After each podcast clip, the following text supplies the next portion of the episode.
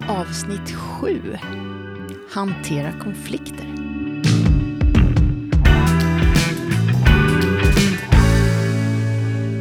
Vi har ju pratat om en hel säsong om konflikter.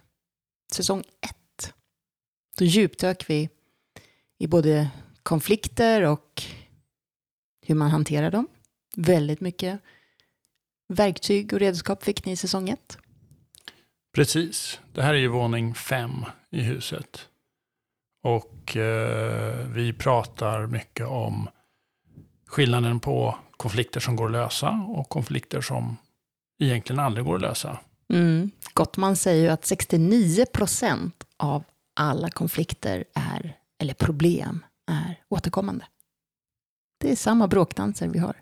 Och det som är lite roligt i det här är ju att när du väljer din partner så väljer du en del av de bråken du kommer ha resten av ditt liv. Väldigt omedvetet då. Ja, men de hänger med. Mm. Vi har ju några sådana också. Har du någonting som vi kan dela med oss av? Återkommande och olösningsbart problem, konflikt.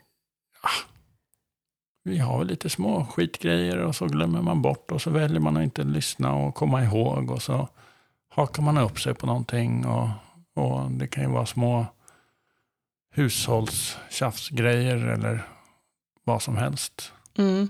Mm. Jag kan tycka om att ha mer städat än dig till exempel. Då kan vi hamna i en sån. Ja, vi har olika toleransnivåer där. Ja. Innan jag hugger tag i det och innan du bryter ihop. Att jag inte hugger tag i det.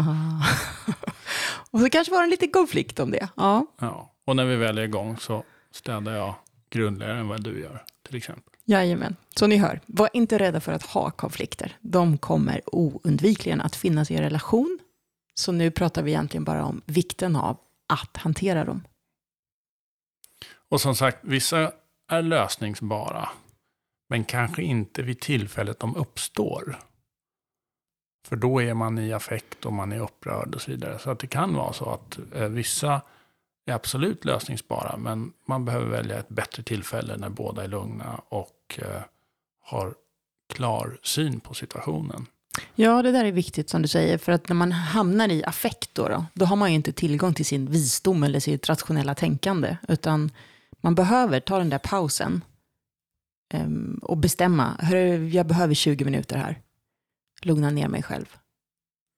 Och där pratar ju då Gottmans om eh, apokalypsens fyra ryttare, kallar de den för. De fyra områdena som eh, skapar problem i konflikter. Och det är då kritik, försvar, förakt och stonewalling. Ja, att gå i försvar. Om du skulle säga någonting till mig som är kritik, som jag uppfattar som kritik, att jag då istället säger, ja ah, men du då, bebberebera. Alltså, attack är bästa försvar. Det är ju också försvar, eller hur? Precis, och kritik och försvar som är, är två av de här ryttarna, de är ju väldigt nära varandra. För det är väldigt lätt att får man kritik så går man i försvar.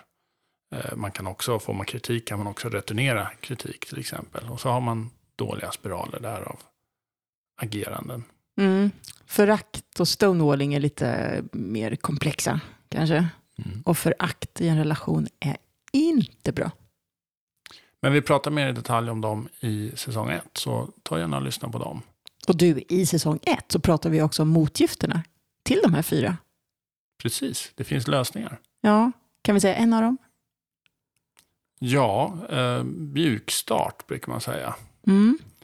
Och det har lite grann att göra med att inte reagera på till exempel kritiken det första man gör och ryggmärgssvara med det, den irritation man har. Utan man kanske lugnar ner sig lite och eh, vänder tillbaks frågan på ett lite klokare sätt. Mm, och utifrån jag-perspektivet. Ja. Inte jag tycker att du, utan jag, jag skulle behöva att vi gjorde det här på ett annat sätt.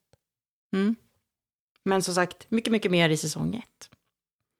Vi nämnde ju nyss det här med att eh, lära sig att lugna ner sig själv. Det är ju också en viktig sätt att hantera konflikten, att det inte går att prata om det just här och nu. Så den där pausen för att få tillgång till hela visdomen och kompetensen är jätteviktig. Och de här mästarna som Gottmans pratar om, de är ju mästare på att reparera redan under pågående konflikt. Det är ju sånt jag kan bli impad av. Det klarar vi ibland. Ja, de säger snälla saker och gör snälla saker trots att den andra beter sig illa eller gör dumma saker i fighten. Mhm. Mm. Man behöver vara bra på att acceptera inflytande från sin partner. Ponera att hen faktiskt har rätt i det den säger, även om du inte kan förstå det just nu. Ja, och det funkar ju inte att det är alltid en av parterna som alltid får bestämma och alltid har rätt. Nej, och ni kanske måste kompromissa oftare än vad ni gör idag. Så även om du är väldigt bestämd och har en bestämd åsikt över en lösning, kanske lyssna ett extra varv på partnern. Och så kanske man tar in bara en liten del av det, men då har ju du gett efter och den andra fått lite av sin, eh, sin idé igenom. En kompromiss. Mm, för ditt bästa förslag kanske inte alls är riktigt bra. Mm. Mm. Vad har vi mer om kom- att hantera konflikter? Ja, det här dyker ju upp med par som vi coachar. Mm. Och det finns alltid någonting. Alla har någonting som de eh, konfliktar om. Ja, och de kan ha några styrkor kanske kring det här. De kanske är bra på att ta den här pausen och säga du jag behöver 20. Och sen kan vi prata vidare. Men de kanske också har någonting som är en svaghet.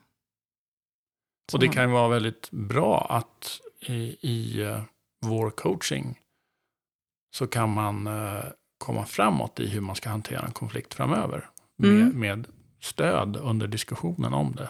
Den här tredje parten som, som assisterar. Ja, det blir som ett eh, träningspass med oss i att bråkträna. Hur Mm. hanterar vi konflikterna live Mm. liksom? Det brukar vara väldigt uppskattat. Och effektfullt för tusan. Så, vad säger vi?